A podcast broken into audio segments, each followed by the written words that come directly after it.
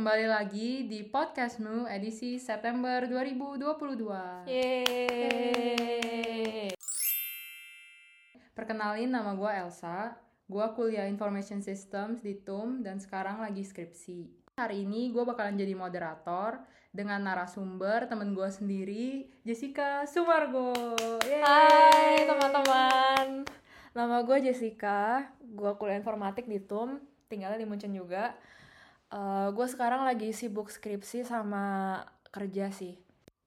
Oke, tapi sambil sibuk swipe-swipe juga gue lihat-lihat. Waduh, barusan. swipe-swipe apa nih? Tadi gue lihat-lihat nama app-nya kayak Titi apa gitu, ada Apa. DJ gitu? Oke, jadi nama app-nya Tinder ya guys. Sesuai dengan topik hari ini, kita bakal ngebahas dating app. Jadi, Jessica, kenapa nih Mhm. nyoba main dating app? Oh iya. Eh pertama-tama gue pa emang pakai Tinder, terus gue ada pakai Bumble juga. Ini buat referensi aja gue pakai yang mana. Siap. Ada listnya. Ada listnya ya.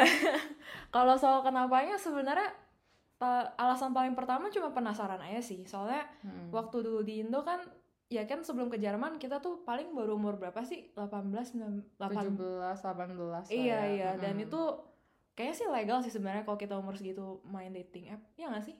harusnya 18 ke atas. Harusnya 18 ke sih. atas ya? Iya, harusnya ya. Iya, wa- ya waktu itu sebelum gua, gua ke Jerman, kayak waktu itu gue baru umur 18 juga. Mm-mm. Em, udah sempat kepikiran dari dulu, cuman kan emang masih bahaya kan kalau kita masih terlalu muda dan eh, nggak mungkin aja lah kayak kalau di Indo kan ada orang tua agak susah juga lah ya, masih tinggal sama orang tua juga. Bener-bener. Em, Pasti ditanyain kayak mau ketemu siapa. Benar-benar. Dan dulu gua- sama siapa. dulu gue orangnya juga masih cupu banget lah, masih takut-takutan. Mhm. Cuman waktu di Jerman gitu kondisinya waktu itu gue juga kayak baru putus juga terus akhirnya gue mikir ya udahlah kayak eh, coba aja ketemu banyak orang baru mana tahu eh, ketemu yang menarik waktu itu gue juga nggak punya kepikiran oh ini udah harus ketemu cari pacar serius atau gimana gue Hmm. beneran waktu itu mikir oke waktu itu lagi corona susah juga ketemu orang baru cobalah kita pakai dating app and I will buat see kenalan lah ya. Iya, iya. mostly, uh, gue kayak lumayan kayak mikir udah ini kayak gue ngeliat gue dibawa ke mana aja gitu gue nggak nyari sesuatu yang serius banget sih waktu itu Hmm, make sense, make sense. nah kalau Elsa sendiri ada pakai dating app nggak Hmm, dulu pernah sih beberapa bulan pakai beberapa dating app juga. apa aja kalau boleh tahu Eh, Tinder pernah, Bumble, terus kayak Oke Cupid, Tantan, Mhm. semua aja. Jadi banyak. Em, ya sih, tapi kayak nggak pernah long term sih. Kadang kayak download terus pakai dua tiga hari, bosen, habis itu nggak pernah buka lagi gitu. tapi waktu itu lu pakainya kenapa Ya sama sih sebenarnya basically buat kenalan sama orang baru aja. Mhm. Em, soalnya kan emang susah ya ketemu sama orang, apalagi kenalan sama orang baru di zaman-zaman COVID. Em, kalau misalnya nggak ada janji konkret, kayak kita nggak bisa datang ke uni buat Mhm, ketemu mhm. orang karena uni juga semuanya online. betul betul Kita juga nggak bisa ke party karena nggak ada party juga. Benar, Jadi benar. apa-apa ya mesti dijadwalin dulu ya. Kalau misalnya app kan kalau mau ketemu mesti dijadwalin. iya Jadi iya bisa gitu. tapi waktu lu dulu masih tinggal di Indo pernah pakai nggak atau itu belum cukup umur juga waktu itu Aduh, gue udah agak uzur ya. Itu 2015 gue tinggal terakhir kali gue tinggal di Indo. Em, belum lah ya di Indo Kayaknya belum hits juga sih dating Belum app. ya? Belum. Ah, ah. Paling banter Instagram sih mungkin. Iya, tapi itu kayak nggak nggak termasuk sih Nggak termasuk lah. Iya. Itu sosial oke. media biasa, betul. Tapi Jess, sebelum lu nyoba dating app, lu udah tahu kan kalau banyak stigma buruk tentang main dating app? Hmm, tahu tahu. Em, sebenarnya gue sendiri nggak pernah ngerasa ada stigma negatifnya ya. Em, Mhm. tapi gue lumayan ngerasain tuh kalau di Indo sih. Sebenarnya di Indo banyak yang pakai dating app, tapi rata-rata gue ngerasa kayak konotasinya agak negatif gitu ya, kayak selalu Kayak desperate lah. ah, ah, ah. Masa lu nggak bisa cari in real life? bener terus harus pasti online, dianggapnya gitu-gitu. kayak yang aneh-aneh orang-orangnya atau gimana gitu. Ya benar-benar. Em, cuman sebenarnya gue kan mulai pakai pas di Jerman dan di Jerman itu sebenarnya lumayan lazim sih. Mungkin gue sebenarnya kalau di kalangan orang Indo mungkin gak sebanyak itu, tapi maksudnya secara em, orang-orang Jerman yang lain juga sebenarnya banyak sih yang main dating app. Jadi gue jujur kalau ngerasain stigma negatifnya nggak gitu sih di Jerman karena orang-orang rata-rata ngelihat itu juga kayak agak normal. Hmm, tapi jujur gue kayaknya kalau misalnya gue pulang Indo nih terus gue ditanyain sama orang-orang yang di Indo. Mhm. gue kayaknya ag- agak bakal hati-hati sih kalau cerita tentang dating app. Karena mau gue cerita kayak gimana pun mereka kayak udah punya pandangan negatif. Jadi bahkan kayaknya gue mungkin gak mau cerita sama sekali sih. Apalagi kalau konteksnya keluarga besar yang Hmm. yang isinya tuh kayak generasi-generasi yang di atas. Itu pasti kayak mereka juga udah punya pemikiran mereka sendiri. Mau kita ngomong gimana pun juga nggak akan berubah gitu. Dan Mhm, sebenarnya nggak ada salahnya juga. Tapi intinya kayak gue kalau misalnya pulang Indo terus kayak ditanyain pasti gue agak berhati-hati sih gitu Mhm. itu sih sebenarnya stig- stigma buruk yang gue rasain sih kalau lu sendiri gimana sih Em, gua sendiri emang orangnya cuek juga ya, jadi nggak ngaruh ke guanya juga asal gua tahu kalau gua berhati-hati juga selama gua main dating app. Kalau misalnya cuman stigma kayak ih desperate banget lu sampai mesti pakai dating app, ya menurut gua kalau lu nyari in real life juga sama aja sih. Ini bedanya Pakai aplikasi medianya, aja. iya medianya Betul, aja betul. apa gitu. Apakah lu minta dikenalin orang atau lu main dating app ya sama-sama aja. Kalau misalnya emang kita nyari ya ya ya udah gitu Iya, sarannya apa nggak harus malu juga sih menurut gua. Mhm. Tapi kalau misalnya selain stigma kan ada juga bahaya tentang ketemuan sama orang dari dating app. Mhm. Nah kalau menurut lu gimana Jess? Gue sebenarnya juga kalau ketemuan sama orang yang maksudnya kita baru ngechat doang gitu Mhm. belum pernah ketemu sama sekali terus janjian tuh gue jujur lumayan takut juga sih Mhm, gue sebenarnya cerita sama orang tua gue gue kadang kayak main dating app dan sebenarnya Mhm.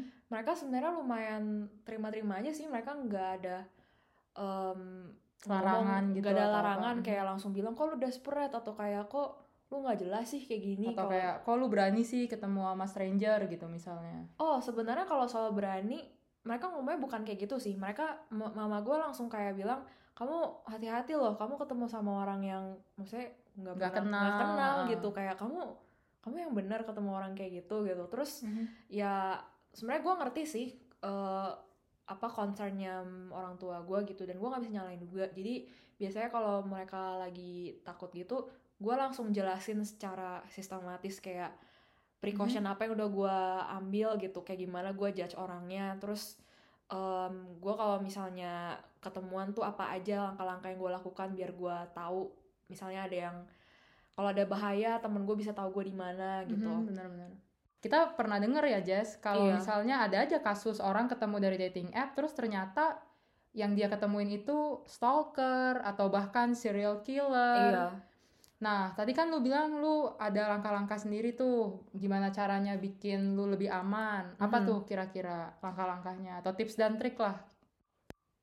Nah iya biasanya gue ada beberapa langkah yang gue lakukan sebelum Mhm. gue ketemuan sama orangnya. Jadi misalnya nih lu udah melewati fase lu udah ngechat terus udah bikin janjian nih sama orangnya. Mhm.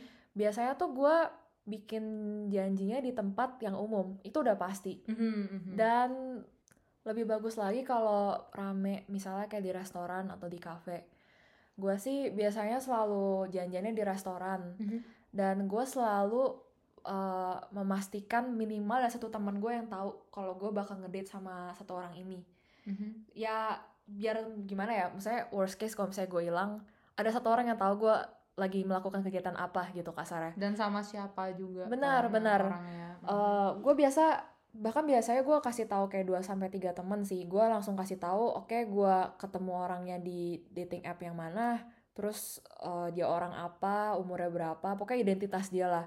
Terus gue ketemuannya di mana jam berapa dan gue personally bakal nge-share location gue misalnya kayak di WhatsApp em, ada feature live location jadi kita Mhm. kalau pindah posisi pun teman kita bisa lihat dan misalnya gue share-nya buat 8 jam ke depan atau ada juga sekarang aplikasi namanya Zenly tapi kalau Zenly kita beneran bikin account terus kita beneran nunjukin posisi kita di mana di mana aja Mhm. dan itu berjalan terus nggak cuman kayak 8 jam itu ya mungkin juga bisa sih dipakai yang kayak gitu jadi itu Hmm. sih eh, langkah-langkah yang biasa gue lakukan Nah, gue setuju sih kalau misalnya share location, soalnya menurut gue ya paling aman ya kalau orang beneran tahu Mhm. gue di mana gitu.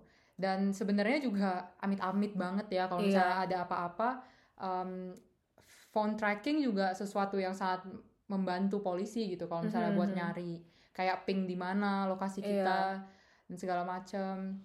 Eh, terus biasanya juga gue sendiri kalau gue udah ngasih tahu teman gue nih gue mau ngedate biasanya gue kalau pulang gue juga bakal ngabarin lagi Hmm, biar iya, teman gue nggak kepikiran gitu terus Iya. ya kurang lebih gue bakal cerita lah kayak ke teman gue kayak oke atau enggak orangnya gitu Atau bahkan sebenarnya di tengah-tengah date pun kalau misalnya ada krisis banget ya Iya, kayak iya. pengen diselamatkan atau something Iya. ya bisa-bisa aja kita minta tolong temen kan ya. benar-benar kayak kita bisa bikin rencana eh kalau misalnya urgent banget nih gue kayak udah pengen keluar misalnya kayak lu janjian sama temen lu ntar lu telepon gue ya pura-puranya kayak lu minta tolong tiba-tiba gitu bisa juga ya, bikin plan B Hmm, aja kalau misalnya harus keluar dari situasi itu secepatnya Oke, jadi kalau ketemuannya sendiri nih, first date kan, biasanya ngapain aja tuh, Jess?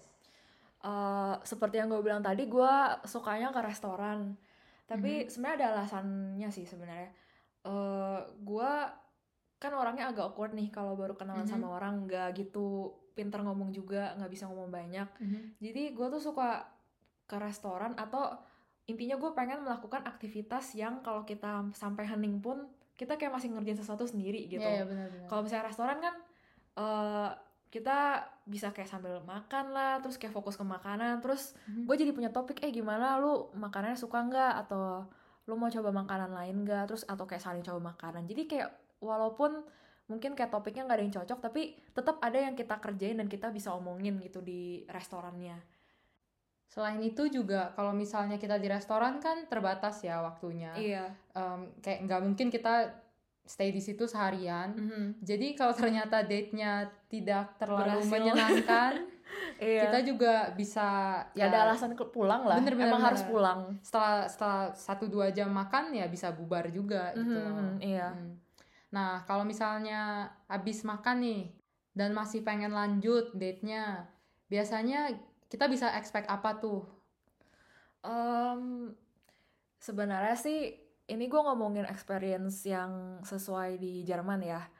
Eh sebenarnya sih kalau gue sendiri pengennya langsung pulang aja. Tapi gue pernah kayak Oh kalau misalnya habis first date lu lebih pengennya kayak eh, mikir dulu gitu. benar-benar kayak Oh, intinya kan di restoran kayak lu bilang ya kita harus pulang kan. Terus kayak Mhm. gue pengen eh ya udah pulang aja lah atau kalau misalnya mau diperpanjang pun biasanya gue mungkin kayak di luar jalan-jalan kayak tetap di tempat umum kayak jalan berdua Mhm. aja ngobrol lanjut tapi gue ujung-ujungnya kayak bakal pulang gitu Mhm. dan biar bisa mikir Mhm. Em, tapi sebenarnya kalau di Jerman gue pernah di situasi di mana gue dari udah ketemu sama dia kayak dari 10 menit ngomong aja gue udah ngerasa dia kayaknya pengen sesuatu yang lebih tanda kutip gitu Ah, dan biasanya itu udah agak kelihatan banget dari cara dia ngomong atau bahasa tubuhnya gitu mhm. kalau misalnya dari cara dia ngomong misalnya dia bakal kayak bercanda tapi kayak ngarah-ngarahnya kayak ke sana gitu. Terus Oke. biasa sih itu agak kayak jatuhnya kayak kode juga sih.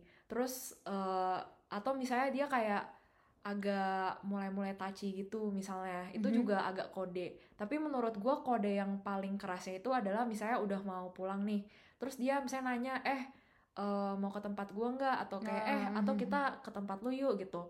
Jujur mm, ini sebenarnya kayak cuma asumsi atau spekulasi doang sih tapi gua ngerasa in most case sebenarnya tuh mereka ngajak something more. Jadi itu cara mereka ngkodein ke sananya sih. Soalnya walaupun di Jerman terkenal orang-orangnya agak frontal tapi sebenarnya kalau urusan lagi ngedate gitu banyak pakai kode-kode juga sih. Dan kita biasanya harus lumayan decide di situ. Kalau misalnya kita ngomong oh oh ayo gitu. Mhm. kalian jangan kaget kalau misalnya ntar pas kalian lagi berduaan doang di ruangan terus dia jadi kayak mau sesuatu yang lain gitu. Iya, jadi sebenarnya buat gue itu lumayan kayak eh kasarnya kode etiknya kalau lu main dating apps nih. Jadi kayak kalau emang lu gak mau ada apa-apa sama dia lu bilang aja eh sorry eh gue mau pulang gitu.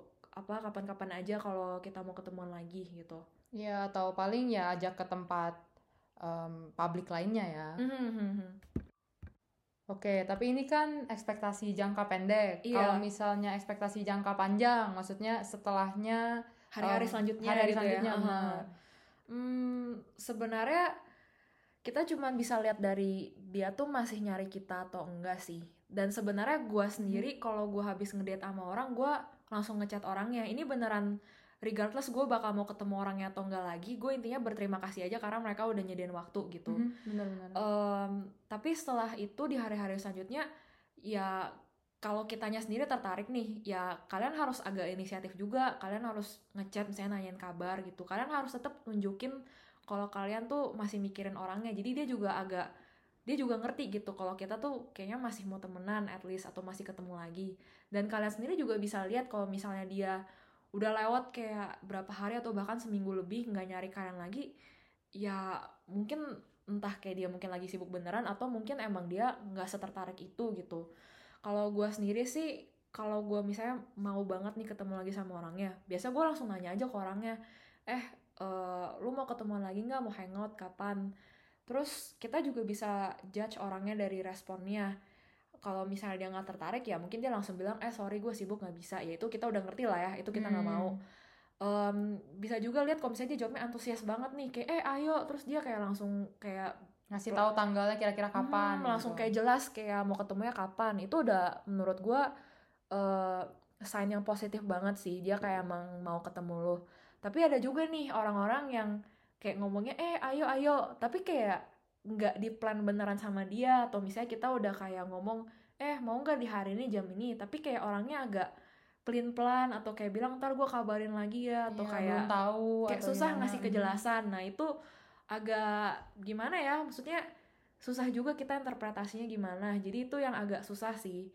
Itu Hmm. bisa artinya orangnya tertarik tapi mungkin gak setertarik itu terus atau emang sibuk juga susah nah juga iya ya itu agak susah sih jadi kalau orang yang tipenya kayak gini emang kita harus agak sabar-sabar dikit sih dan lebih sering Hmm. ketemu aja jadi kita lebih ngerti orangnya kayak gimana Mm-mm. dan itu juga tips buat kita juga sebagai pengguna kalau Mhm. misalnya kita emang tertarik ya harus diniatin juga ya iya iya ya jangan kasih mixed signals ke orang sih ya kasihan juga anak orang Iya, ya benar, benar, benar. nah tapi ada pertanyaan juga nih sebenarnya tuh kalau orang bilang hubungan lewat dating app itu nggak bertahan lama bener atau enggak sih Hmm, menurut gua sih enggak ya. Soalnya menurut gua secara personal nggak ada korelasi hu- durasi hubungan dengan ketemu orangnya lewat mana gitu. Iya, benar Buat gua lebih ke arah lu kesepakatannya gimana, komitmen lu gimana gitu. dan juga tergantung manusianya ya Iya, benar, tergantung manusianya. Eh kalau emang orangnya bisa komit ya bisa lama gitu.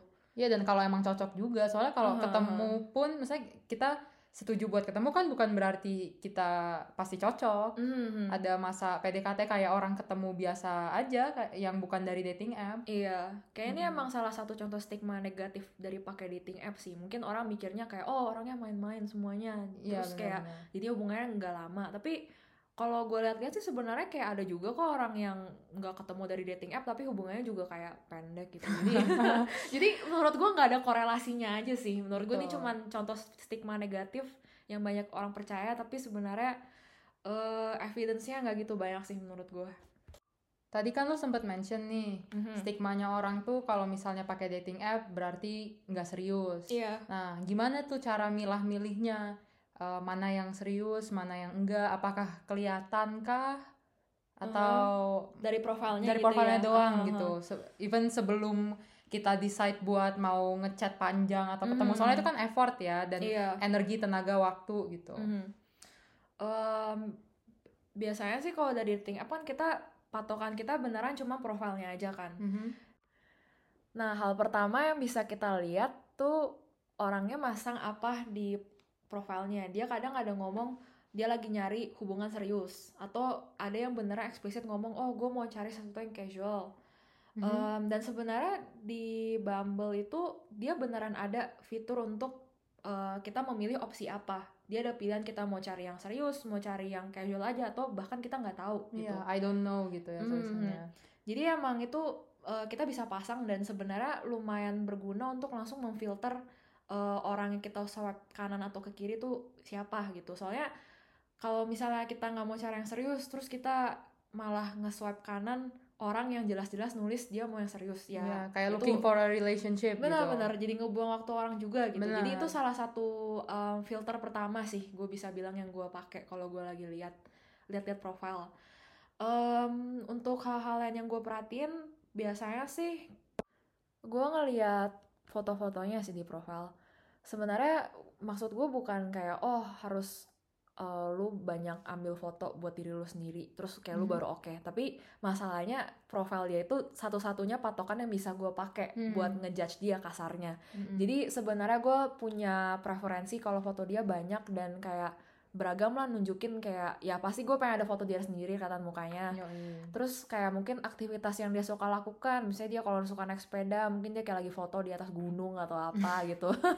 Ya kelihatan lah dia aktivitasnya apa atau mungkin ada foto-foto sama temen-temennya juga kayak oke. Jadi em, menurut gue foto yang banyak tuh lumayan oke sih buat gue selain itu gue juga ngelihat umur sih. Gue sebenarnya ada pasang range umur dan itu juga fitur online dating app biasanya mereka bisa kayak tanya "Eh, lu sebenarnya punya preferensi umurnya range-nya berapa sampai berapa gue sendiri sih sebenarnya lebih prefer orang-orang yang lebih tua dari gue tapi Hmm. sebenarnya gue pasangnya bisa dua tahun lebih muda dari gue minimal Mhm. terus kayak mungkin maksimal lima tahun di atas gue gitu jadi Oke. pasang em, range umur sebenarnya penting banget sih soalnya agak nggak nyambung. Gue dulu pernah agak kayak nggak di set gitu. Terus eh, yang di match sama gue tuh kayak umurnya udah 30-an semua gitu. Dan itu udah Mhm. kayak udah nggak sama lah kayak cara mikirnya dan apa yang mereka cari juga. Jadi sebenarnya penting sih buat ngatur umur buat gue atau bahkan kalau misalnya yang lebih muda juga ya Iya, kalau kita nyari yang serius tapi kita nah matchnya sampai 18 iya. tahun kan beda. iya beda banget Mhm. sih beda banget terus gue juga suka ngelihat lokasi sih. Biasanya dating app itu ada ngasih aproksimasi lokasinya tuh sejauh apa dari kita. Dia nggak akan ngasih tahu lokasi rumahnya di mana. Dia Hmm, cuma ngasih tahu cuman ngasih tahu kayak dia berapa kilometer jauh dari kita terus kurang lebih nama daerahnya apa gitu. Itu pun kalau orangnya emang udah ngeset profilnya dia mau ditunjukin. Mhm. dan gua sebenarnya itu bisa diatur di dating app kita mau kayak maksimal eh, paling jauh berapa kilometer. Tapi tuh kadang dating app itu masih suka kayak ngasih kita yang bisa-bisa kayak di luar kota gitu. Mungkin karena kalau misalnya kita kayak udah swipe kebanyakan terus pilihan orangnya udah dikit jadi kayak dating appnya sengaja ngasih kita yang jauh gitu. Nah itu Mhm. juga salah satu em, apa ya faktor yang gue lihat sih. Sebenarnya kalau orangnya kejauhan gue agak males sih jujur. Soalnya mau ketemuan susah terus juga kayak Hmm. belum tentu juga gue cocok sama orangnya nggak ya ngapain gue invest waktu banyak banyak terus kayak ketemu orangnya jauh. Jadi gue biasa pasang sih kayak orang yang deket dari gue aja atau setidaknya di dalam kota yang sama lah. Itu penting sih buat gue Mhm. nah kalau lu sendiri gimana sa? Lu ada faktor-faktor yang lu lihat nggak dari kalau ngeliat profile Hmm, kalau gue yang pasti kan hal pertama yang bisa kita lihat tuh foto. Ya pasti gue bakalan lebih drawn ke orang yang physically tipe gue. Tapi selain itu ya gue juga bakalan ngecek gitu di profilnya dia ada nulis nggak em, something tentang hidup dia. Contohnya kayak misalnya selera musik, kalau misalnya Mhm. di-connect ke Spotify Iya. atau hobi atau misalnya bahkan kuliahnya apa. Soalnya gue tuh bukan tipe orang yang pinter gitu buat bikin Mhm. conversation dari nol. Kalau Mhm. misalnya ada sesuatu yang gue bisa relate atau misalnya sesuatu yang gue lumayan ngerti, nah itu kan lebih enak ya buat bikin conversationnya. Mhm. Jadi gue juga bakalan lebih gampang gitu kalau misalnya mulai conversation. Terutama kalau misalnya gue lagi pakai Bumble nih. Mhm. Kan kalau di Bumble tuh kalau misalnya hubungannya hetero, yang cewek yang harus nulis duluan. Iya betul betul. Jadi gue juga paling banter hai doang. Terus habis itu juga nggak tahu mau lanjut apa kalau iya, misalnya nggak ada profilnya topik kosong. soalnya, Iya, ada nggak ada topik. gitu. Eh, terus lu sendiri ada deal breaker nggak? Kayak misalnya lu lihat sesuatu di profile, terus lu langsung tahu lu nggak mau sama orang kayak gini gitu. Ya kalau misalnya profilnya itu udah terfilter, misalnya gue udah ngeliat umur atau lokasi, eh, udah ngatur umur Mhm. atau lokasi, ya pasti nggak muncul kan Iya, iya. profilnya in the first place. Cuman kalau misalnya deal breaker apa ya? Paling em, hal-hal kayak kalau misalnya orangnya obviously look for something casual, kayaknya gue bakal ngehindarin sih. Kayak Soalnya langsung nggak mau aja iya, soalnya kayak gue bukan tipe yang mau nggak jelas Iya, gitu. iya, aha. Um, jadi tapi nggak harus juga kayak mau look for a relationship misalnya yang I don't know juga menurut gue masih lebih oke daripada yang udah tahu pasti Uh, oke gue mau main-main gitu iya. itu aja sih paling selain itu paling gue ngefilternya setelah ada conversation Mhm, Jadi lebih ketahuan. yoi kalau lu sendiri deal breakernya apa Jas yang sudah terfilter Iya udah udah lewat filter umur lokasi lah ya. Mhm. Eh biasanya gua cuman kalau dia perokok sih. Soalnya gue beneran Hmm. gak bisa sih. Maksudnya ini mau orang setipe gua pun, tapi kalau misalnya dia perokok gue langsung agak turn off gitu sih. Jadi itu Hmm. lumayan deal breaker buat gue sebenarnya. oke tapi kalau masalah keseriusan Ah iya. Jessica sendiri nyarinya apa ya Hmm. Eh eh, gue sih sebenarnya gue sendiri pasang di eh, dating app profile, gue biasa pasang I don't know yet. Hmm, oke. Jadi neither gue pasang cari relationship, neither cari yang casual juga. Mhm. Soalnya misalnya kalau cari relationship, gue takutnya udah sabotase diri gue sendiri. Misalnya Hmm. uh, udah match sama orang dari awal conversation, udah langsung orang ini tahu gue mau langsung serius. Terus Iya. gue takutnya malah Pokoknya jiper ya si iya iya kayak langsung mungkin dia terintimidasi atau misalnya gue malah udah kayak apa ya ngegali lubang sendiri jadi Bener, kayak bener. so gimana ya kayak gue bahkan nggak tahu nih cocok sama orangnya atau enggak tapi karena gue udah keburu ngomong gue mau relationship takutnya jadi udah ekspektasi lah ini itu jadi Mhm. ribet aja gitu tapi juga kalau gue taruh di profile gue gue mau nyereng casual terus tau tau ntar gue ngobrol gue masuk sama orangnya tapi dia nggak akan pernah kayak nganggep gue serius jadi Bener. sebenarnya agak gimana ya agak susah sih kalau gue pasang mau cari relationship atau yang casual jadi gue cari gue pasangnya I don't know terus jadinya kalau gue udah ngobrol udah ngerti kayak orangnya kayak gimana baru gue agak memutuskan gue ke depannya mau gimana sama orangnya gitu gue sih kayak gitu Tapi bisa dibilang penting sih nanya di Hmm. awal-awal em, kalau misalnya kita maunya apa gitu. Tapi ya Iya. mungkin setelah conversation ya baru kita Mhm. tanya. Mhm. tapi sebenarnya eh kalau sama orang Jerman sebenarnya banyak sih mereka yang suka langsung nanya nyarinya apa. Dari awal banget. benar dari awal. Soalnya waktu itu di Tinder gue nggak pasang soalnya. Terus jadi kayak pas baru Oh. ngobrol eh misalnya nggak langsung dari pertama sih. Misalnya kayak ngomong misalnya setengah jam. Terus nanti mereka eh nanya lu nyari apa nih? Terus baru gue ngomong gue nyarinya bla bla bla. Terus baru ketahuan gitu. Jadi tapi emang bener kata lu emang paling enak langsung dijelasin di awal jadi kayak nggak keburu punya ekspektasi apa pun nggak keburu misalnya udah ketemu udah baper terus jadi Iya, kayak bener. berantakan aduh itu udah kacau banget deh jadi emang paling Iya. bener langsung jelasin sih di awal Iya, bahkan kalau misalnya nggak tahu pun mending diomongin kalau emang nggak tahu gitu. Iya, iya. Masih lihat-lihat atau Mhm. apa gitu. Nah, tadi kan kita udah ngomongin nih kira-kira gimana caranya milah-milih profile. Kalau misalnya buat temen-temen yang baru banget mau nyobain main dating app dan beneran nggak tahu sama sekali mau mulai dari mana, kira-kira ada nggak tips dan triknya?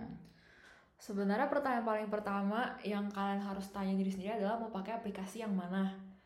Em, sebenarnya kalau yang paling banyak dipakai harusnya Tinder sih ya di mana Ya, kalau misalnya kita dengar kata dating app, yang langsung muncul di kepala orang kebanyakan sih Tinder ya harusnya. Iya, aha.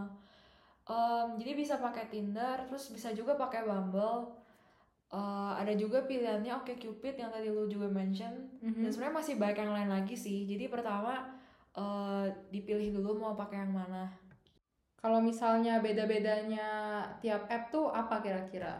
Kalau misalnya Tinder sebenarnya lumayan basic sih idenya. Jadi kita punya profil sendiri, terus orang-orang lain juga punya profil dan ya kita masukin aja interest kita apa, lalu kita tulis bio kita apa, terus upload juga eh, foto-foto yang kita punya. Dan konsepnya intinya kita bakal swipe kanan, swipe kiri aja sih profil orang-orang. Lalu kalau misalnya udah match, kalian bisa siapa pun bisa mulai chatnya. Tapi kalau Bumble konsepnya mirip kayak Tinder, cuman kalau di konteks yang hetero, cuman cewek doang yang bisa mulai duluan chatnya. Dan Bumble sendiri juga ada tiga jenis di dalamnya. Ada Bumble yang untuk dating, ada Bumble untuk BFF, maksudnya untuk mencari teman, dan juga untuk yang bisnis untuk mencari ya mungkin partner bisnis atau mungkin ya mencari teman-teman tapi Relasi lah ya. relasi relasi untuk bisnis Hmm. sih jatuhnya Menarik sih sebenarnya si fitur BFF dan bisnis ini. Mhm. Gua pribadi pernah nyobain loh yang BFF Mhm. karena gue waktu itu kayak pengen banget nyari teman baru Mhm. yang kalau bisa cewek juga.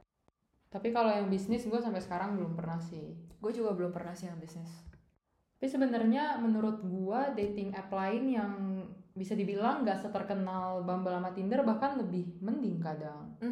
Contohnya itu OkCupid.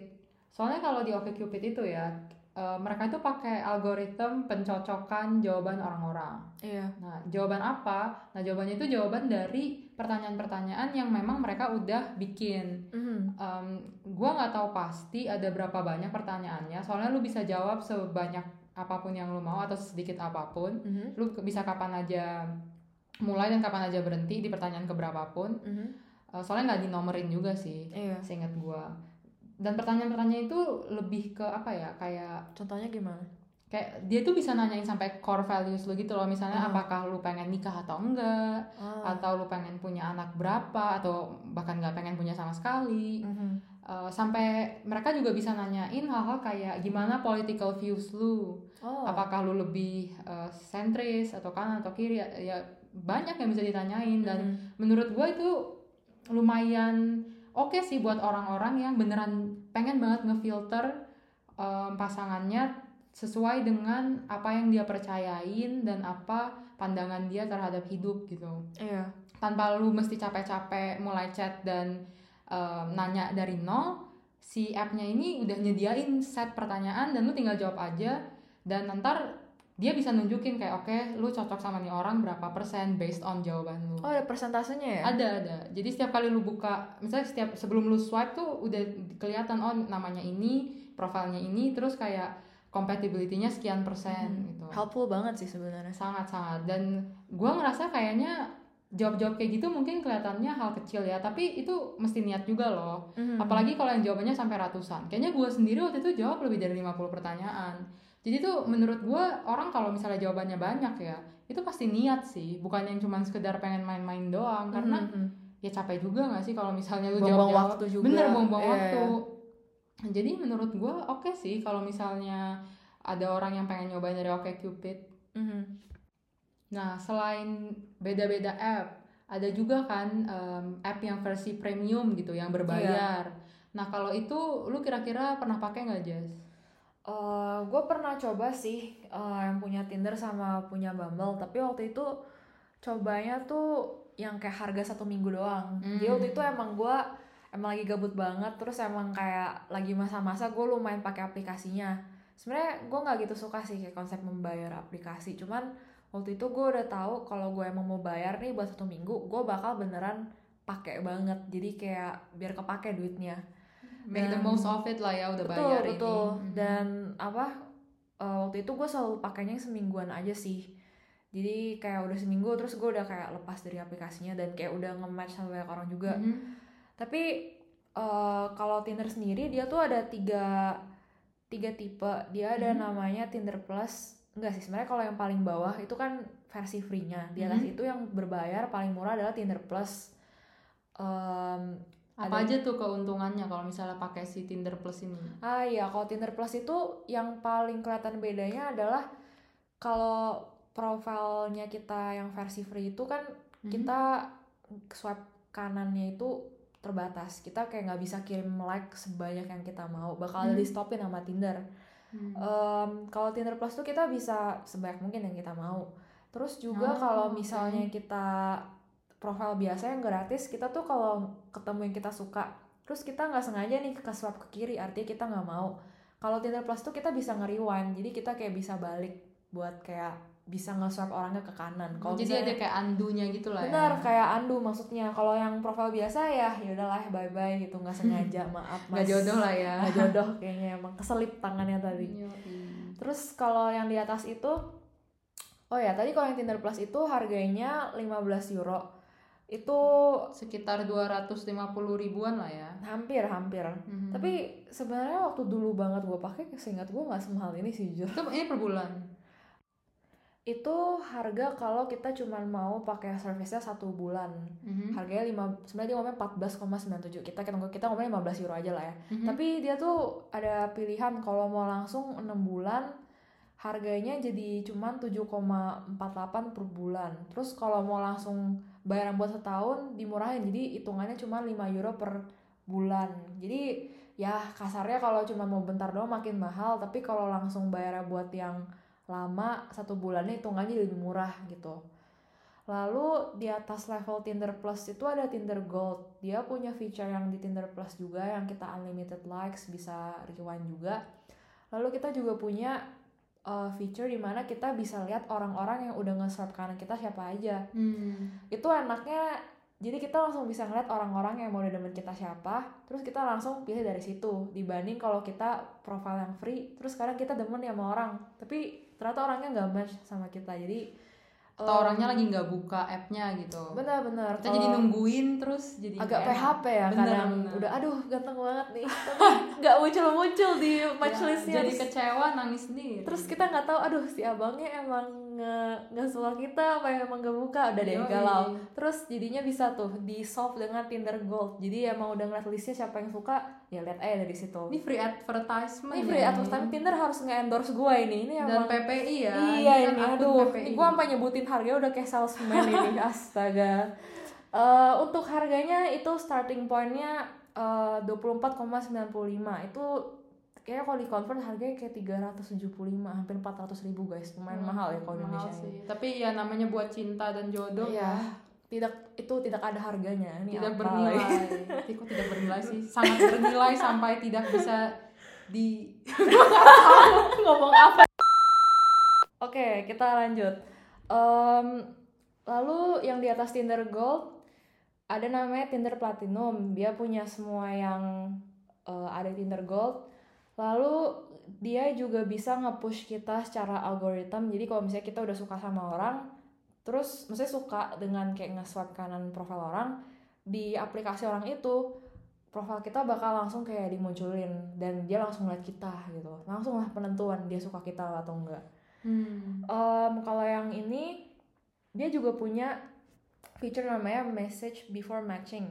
Gue bahkan nggak tahu ini sebenarnya apa bisa tapi ternyata tuh bisa ya kayak nge-message orang tanpa matching. Ini mahal sih ini harganya 29,94 Hmm. tadi gue convert 450.000 ribu guys. Itu udah makan berapa kali di Indo gue juga nggak tahu. Sakit sih tapi ya all you can eat ya. Eh, all you get dua orang tuh mungkin. Aduh, tapi ya gitulah buat cinta guys. ya kalau kalian tertarik ini free endorsement ya Tinder, tolong endorse Amin dapat tapi itu sih feature-feature yang di Tinder dan sebenarnya kalau Bumble sendiri em, dia punya yang mirip em, namanya Bumble Premium. Eh, sebenarnya feature-nya kurang lebih sama sih kayak di Tinder. Eh, kalau yang gratis tuh nggak bisa di rewind, nggak bisa kalau kayak udah kelewatan dibalikin lagi. Terus kita juga kalau nggak bisa ngeliat siapa aja yang udah suka sama kita. Jadi kalau Bumble Premium eh sama sih kita bisa lihat listnya siapa yang udah suka, ntar kita swipe dari sana. Terus em, kita bisa rematch sama orang, bisa eh, unlimited rewind juga. Untuk secara harga sih saat ini kalau di aplikasinya dia bilang harganya 16,49 euro satu bulan. Tapi sebenarnya aplikasi-aplikasi seperti ini tuh banyak promo-promo kayak bisa tiba-tiba promo 50% untuk 24 jam ke depan gitu. Jadi sebenarnya kalau kalian mau cobain sih mendingan tunggu promo aja ya daripada bayar full price soalnya juga mahal sebenarnya. Apalagi kalau kalian sebenarnya gak gitu pakai dan kalau emang kalian akhirnya memutuskan untuk bayar kalian harus benar-benar make sure kalian pakai aplikasinya biar worth it juga bener sih apalagi kalau udah berbayar gitu ya kalau bisa minimal dimaksimalkan penggunaannya. Hmm. walaupun outcome-nya kita nggak bisa tahu ya dapat Iya. atau enggak tapi kalau misalnya keuntungan yang khusus cuma bisa didapetin dari dating app doang kira-kira ada nggak sih? Saya dibandingin sama eh, ketemu secara natural atau ya dari temennya teman in real life gitu. Kalau buat gue sih keuntungan yang oke banget dari pakai dating app adalah gue bisa ngelihat berbagai pilihan orang dan sangat banyak tapi dalam waktu yang sangat singkat. Kayak beneran maksudnya kita kan swipe langsung kayak banyak gitu kan Mhm. dalam I don't know 10 menit gitu. Dan menurut gue sih convenient banget sih karena gue bukan tipe yang suka banyak ngobrol juga untuk tahu setiap orang. Jadi Hmm. agak mager aja sih. Terus kayak kalau gue ngeliat dari profilnya udah oke ya udah gue swipe. Terus kalau nggak oke ya udah gue swipe kiri gitu kayak intinya gue suka aja kayak banyak option dan bisa gue laluin semua dengan cepat Bener sih kalau misalnya lu ketemu banyak orang di party contohnya Mhm. ya lu nggak mungkin kan kayak kenalan sama semua orang atau tahu tentang semua orang. Kalau Mhm. misalnya dating app kan minimal ada profile, ada penjelasan gitu. iya Milah-milihnya ya in general jauh lebih gampang dan cepet sih kayak yang lu bilang. iya kayak punya CV mau daftar kerja Iya gitu ya. Terus kita juga nggak harus kayak ngepoin temen or anything juga gitu loh. Kayak ya Hmm. udah aja based on profilnya. Iya. Selain itu, gue mulai main dating app waktu lagi masa-masa lockdown covid kan. Terus eh, waktu itu ketemu orang tuh juga susah. Maksudnya kayak ketemu teman sendiri aja juga eh, terbatas, harus serba di plan. Terus nggak boleh rame-rame juga dan mau kenalan sama orang baru itu lumayan susah karena kita uni aja juga nggak ada kelas yang eh, offline dan semuanya harus di rumah sendirian Hmm. online mau bikin temen tuh susah banget kan Mhm. karena kayak nggak ketemu aja orangnya langsung dan menurut gua dengan pakai dating app misalnya kayak kalau mau cari teman biasa bahkan pakai yang Bumble terus modenya yang BFF itu menurut gue lumayan efisien buat Hmm. eh, ketemu sama orang baru tapi tanpa harus ada physical contact dulu gitu Yoi, mhm. Sama paling ada satu lagi sih yang bisa Mhm. dibilang tanda kutip keuntungan. iya Em, ya lebih gampang ngeghosting sih sebenarnya. Ya oh ghosting bukan hal yang baik teman-teman, jangan dicontoh. Tapi Iya. maksudnya kayak kalau misalnya kita punya first date gitu ya. Mhm. Kalau kita kenalnya dari temen atau dari keluarga, kan kita susah ya kalau mau kabur. iya kalau misalnya iya. ternyata yang satunya lagi masih tetap mau ketemu kalau Mhm. misalnya dari dating app kan ya udah kalau misalnya lu nggak Mhm. suka ya itu nggak usah pernah ada kontak lagi nggak usah pernah ketemu lagi juga gampang gitu atau ya jangan ngeghosting deh misalnya diomongin gitu eh maaf ya tapi kayaknya Iya. gua nggak bisa ada kelanjutan sama lu or Mhm. something ya jadi jauh lebih gampang dan nggak awkward gitu kalau misalnya complete strangers yang meet di sebuah app gitu. Tapi semoga pendengar eh, nggak salah paham ya. Maksud kita bukan kayak oh jadi kita ngedispose orang tuh gampang banget. Tapi lebih ke arah kalau di kasus yang emang tanda kutip udah agak emergency. Misalnya kita awalnya udah ngobrol di dating app di awal udah impressionnya bagus terus udah ketemu nih first date tapi ternyata kayak beda banget Hmm, Di in real life. Terus Hmm. bahkan kayaknya banyak red flagnya yang kayak emang udah rasanya kayak aduh nih orang kayak toxic banget nih atau kayak nggak cocok banget sama gua nah kalau kasusnya kayak kita ketemu dating app itu kayak masih agak ada sense of kita tuh bisa ngilang tanpa dilacak balik gitu. Tapi kalau Hmm. misalnya kita udah kenal dari teman-teman lain atau dari keluarga kita mau ngilang pun juga udah susah karena kadang masih ketemu. Jadi kalau di konteks itu menurut gue bisa sih eh, dijadikan sebagai keuntungan sebenarnya. Oke, jadi in general tuh menurut lu dating app tuh sarana yang baik nggak sih buat mencari pasangan hidup? uh kalau konteksnya pasangan hidup berarti langsung yang serius banget ya ini ya menurut gue pribadi sih tergantung orangnya kalau kalian ini tipe yang emang masih merasa mau lihat-lihat banyak opsi dan kalian juga masih punya banyak energi mental dan juga punya banyak waktu yang bisa disisihkan untuk kasarnya kayak coba date sana sini gitu kasarnya.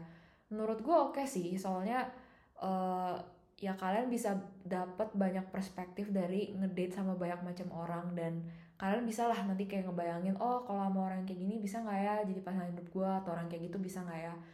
Menurut gue dating app itu pilihan tepat sih. Kalau kalian masih bisa menginvestasikan banyak energi mental dan banyak waktu juga.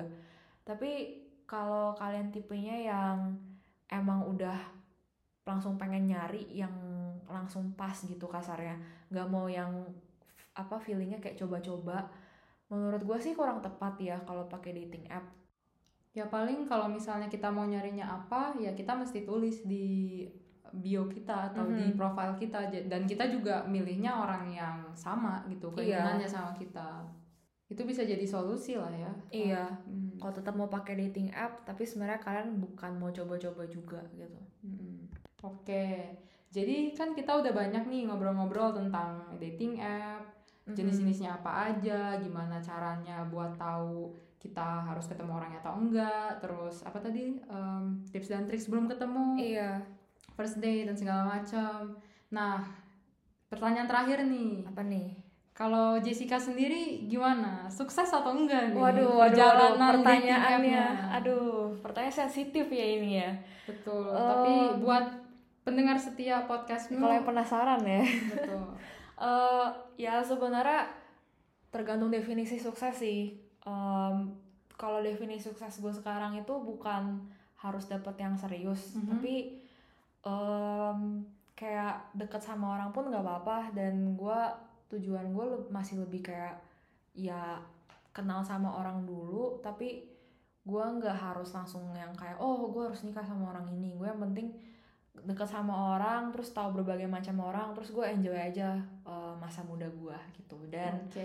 eh, gue emang lagi deket sama orang juga, jadi Waduh, waduh, waduh, waduh. Dari dating app nggak nih? oh iya dari dating app. Wah, waduh, kisah sukses. kisah sukses kawan-kawan nggak? Ini sukses di Yeay. definisi gue ya by the way. Eh, ya dekat doang, tapi kayak gue enjoy enjoy aja sih. Gue gue menikmati waktu gue saja sebenarnya. Mantap. Nah, kalau Elsa nih gimana nih? Gue Wah. denger-denger sukses nih. Aduh, Walah kenapa saya? Aduh, saya aduh. hanya moderator di aduh, sini. penasaran dong pendengar moderator kita gimana? Oke, jadi ini akhir dari podcast kita bulan ini. Semoga membantu dan terima kasih loh Mbak Jessica. Sama-sama, terima kasih juga udah mengundang. Last but not least, terima kasih juga buat pendengar setia podcastmu. Makasih udah dengerin sampai habis dan see you next month. See you, Bye-bye. dadah.